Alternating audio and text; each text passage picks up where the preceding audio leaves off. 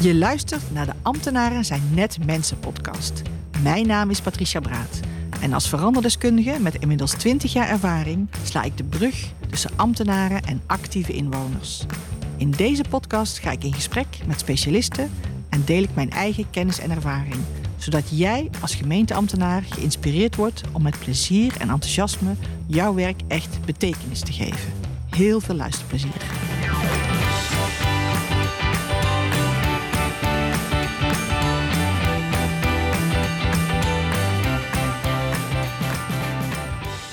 Welkom bij de podcast Ambtenaren zijn net mensen. Dit najaar wissel ik inspirerende interviews met ambtenaren af met korte podcasts over mijn eigen ervaringen met veranderprocessen. Graag deel ik mijn ervaringen, fouten en successen, want ik ben tenslotte ook net een mens. Vandaag wil ik het graag met jullie hebben over samenwerken binnen veranderprocessen. Er is de laatste jaren steeds meer aandacht voor samenwerken binnen veranderprocessen. In veel gevallen wordt het als een belangrijke succesfactor gezien. Veel complexe veranderprocessen doe je ook met meerdere partijen. En zelfs voor een verandering bij jezelf heb je vaak anderen nodig. Al is het maar omdat zelfreflectie en overschatting van het eigen kunnen soms een andere blik vraagt. Ik heb ooit een vakantie in Ierland geboekt, waarbij ik me had voorgenomen om drie weken alleen door het land te reizen. Enerzijds omdat het land mij aansprak, maar vooral ook om door alleen te reizen mijn grenzen op te zoeken en daarvan te leren. Op een gegeven moment besloot ik om een georganiseerde wandeling te boeken, waarbij ik een privégids meekreeg die samen met mij de hele dag zou gaan wandelen. In ons voorbereidende gesprek vroeg hij hoe uitdagend de wandeling moest worden.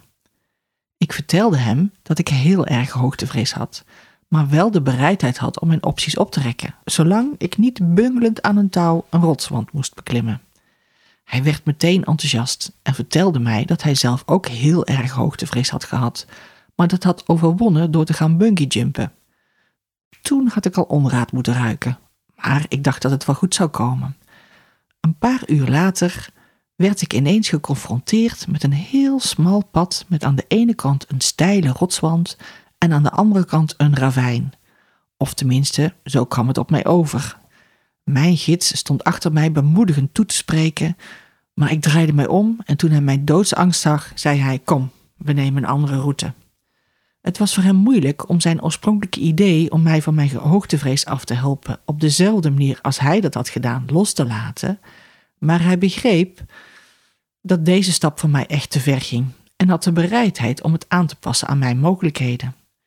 Dat is voor mij meteen ook de essentie van een succesvolle samenwerking de bereidheid om je eigen belangen soms wat aan te passen aan het algemeen belang en je ego even in de ijskast te stoppen. Samenwerken is echt een kwestie van geven en nemen. En als je dat binnen een veranderingsproces wil doen, betekent het vaak ook dat je gezamenlijk iets nieuws wilt opbouwen of creëren. Dus dan is het nodig om de manier waarop je het altijd hebt gedaan los te kunnen laten, omdat er anders niets nieuws kan ontstaan. En doe je dat niet, dan betekent het gewoon dat je wilt dat anderen zich alleen maar aanpassen aan jou. En dat geeft frictie. Als ik een complex samenwerkingsverband aan het opzetten ben, dan is het vaak moeilijk om niet meteen te verzanden in een structuurdiscussie. Veel organisaties, of ze nou professioneel of vrijwillig zijn, vinden het belangrijk om van tevoren te bepalen wie welke rol op zich neemt, of beter gezegd, wie de macht in handen heeft. En natuurlijk is het bepalen van een structuur belangrijk binnen een samenwerking. Maar in mijn ervaring kom je niet uit deze discussie als je niet eerst gezamenlijk hebt bepaald welke ambitie je wilt koppelen aan de samenwerking. En die ambitie moet vervolgens concreet gemaakt worden voor alle betrokken partijen. Wat betekent het voor iedere organisatie afzonderlijk wanneer ze een bijdrage willen leveren aan die gezamenlijke ambitie? Vanuit deze basis is het dan veel gemakkelijker om te bepalen wat ieders rol is en waar welke verantwoordelijkheid wordt opgepakt. Helaas wordt in de praktijk die stap vaak overgeslagen. Iedereen zegt zich te committeren aan de gezamenlijke ambitie, maar er wordt niet concreet gemaakt wat dat dan betekent. Maar als je die stap dan wel hebt gezet, dan is het ook belangrijk om te beseffen dat de structuur en het proces nog niet in steen gebeiteld zijn. En dat het belangrijk blijft om steeds samen te kijken naar het proces en de structuur. Werkt het voor iedereen nog steeds zo als we voor ogen hadden? Of moeten we ergens iets aanpassen? Vooral als we het over een veranderingsproces hebben, want je weet van tevoren niet hoe het gaat lopen en welke resultaten je kunt verwachten. Dus dat betekent ook dat je soms het proces en de structuur moet aanpassen aan ontwikkelingen. Dus hoe doe je dat nou, samenwerken binnen een veranderproces?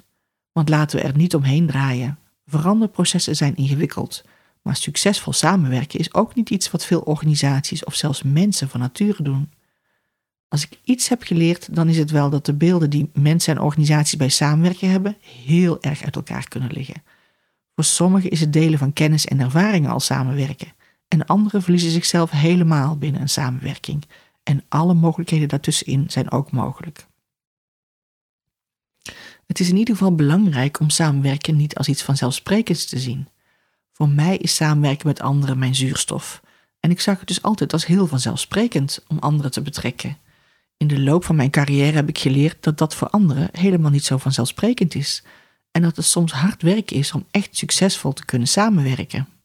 Ik heb binnen sterk concurrerende markten samenwerking opgezet, soms tegen de wil van de organisatie waar ik op dat moment voor werkte in. Er was dan de angst dat zij de kennis en ervaring tegen ons zouden gaan gebruiken. En vertrouwen is natuurlijk een belangrijke pijler als je het over succesvol samenwerken hebt. Maar het is ook mijn ervaring dat wanneer je de ander oprecht het vertrouwen geeft, je dat ook terugkrijgt. En dan is het uiteraard ook belangrijk dat je daar duidelijke afspraken over maakt. Maar als je een samenwerking ingaat met wantrouwen, dan is het ook onmogelijk om het vertrouwen van de ander te krijgen. Dus maak het proces en de afspraken daarover zo duidelijk en zo veilig mogelijk voor alle partijen, zodat het vertrouwen waar je mee begint kan groeien. En als je dan een gezamenlijke ambitie hebt geformuleerd waar iedereen achter kan staan, dan is het ook belangrijk om de individuele belangen van de verschillende organisaties, maar ook van de individuele belangen van de deelnemers helder te hebben en er met elkaar over te hebben.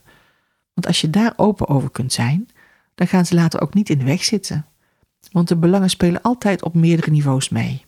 Ik heb in de praktijk gemerkt dat veel deelnemers aan een samenwerkingsverband niet eens beseffen wat het mogelijk organisatiebelang zou kunnen zijn. En dat betekent vaak ook dat ze niet het mandaat hebben om daadwerkelijk bij te kunnen dragen aan de verandering. Als je dus een veranderproces met meerdere partijen wilt opstarten, zorg dan eerst voor een gezamenlijke ambitie. Check de verschillende belangen op drie niveaus: individueel, organisatie en samenwerkingsniveau. En zorg dat deze op één lijn zitten. Ga dan pas met elkaar bepalen wat de rollen en verantwoordelijkheden zijn en bepaal samen het proces en de voorlopige structuur. En zorg tijdens al deze stappen voor een open communicatie en duidelijkheid. Tot slot mijn belangrijkste tip. Zorg ervoor dat alle partijen die deelnemen aan de samenwerking ook daadwerkelijk willen en kunnen bijdragen. Want als je dat niet doet, dan verzand je al gauw in langdurige discussies, onduidelijke afspraken en een negatieve onderstroom die funest is. Dus durf ook een partner te weigeren of nog niet te betrekken als ze nog niet de bereidheid hebben om hun eigen belang in dienst te stellen van het algemene samenwerkingsbelang. Onderschat het proces van samenwerken niet. Veranderen is al moeilijk genoeg, maar ik geloof oprecht dat je samen meer kunt bereiken als je het tenminste goed aanpakt. Bedankt voor het luisteren en tot de volgende podcast. Dit was weer een aflevering van de podcast Ambtenaren zijn net mensen. Heel erg bedankt voor het luisteren. Je kunt je abonneren op de podcast via je favoriete podcast-app, zoals bijvoorbeeld Apple Podcast of Spotify. Was het een interessante aflevering voor je? Laat dan een review achter op iTunes of deel de podcast met een collega. Heb je vragen naar aanleiding van de podcast? Neem dan gerust contact met mij op. Tot de volgende podcastaflevering.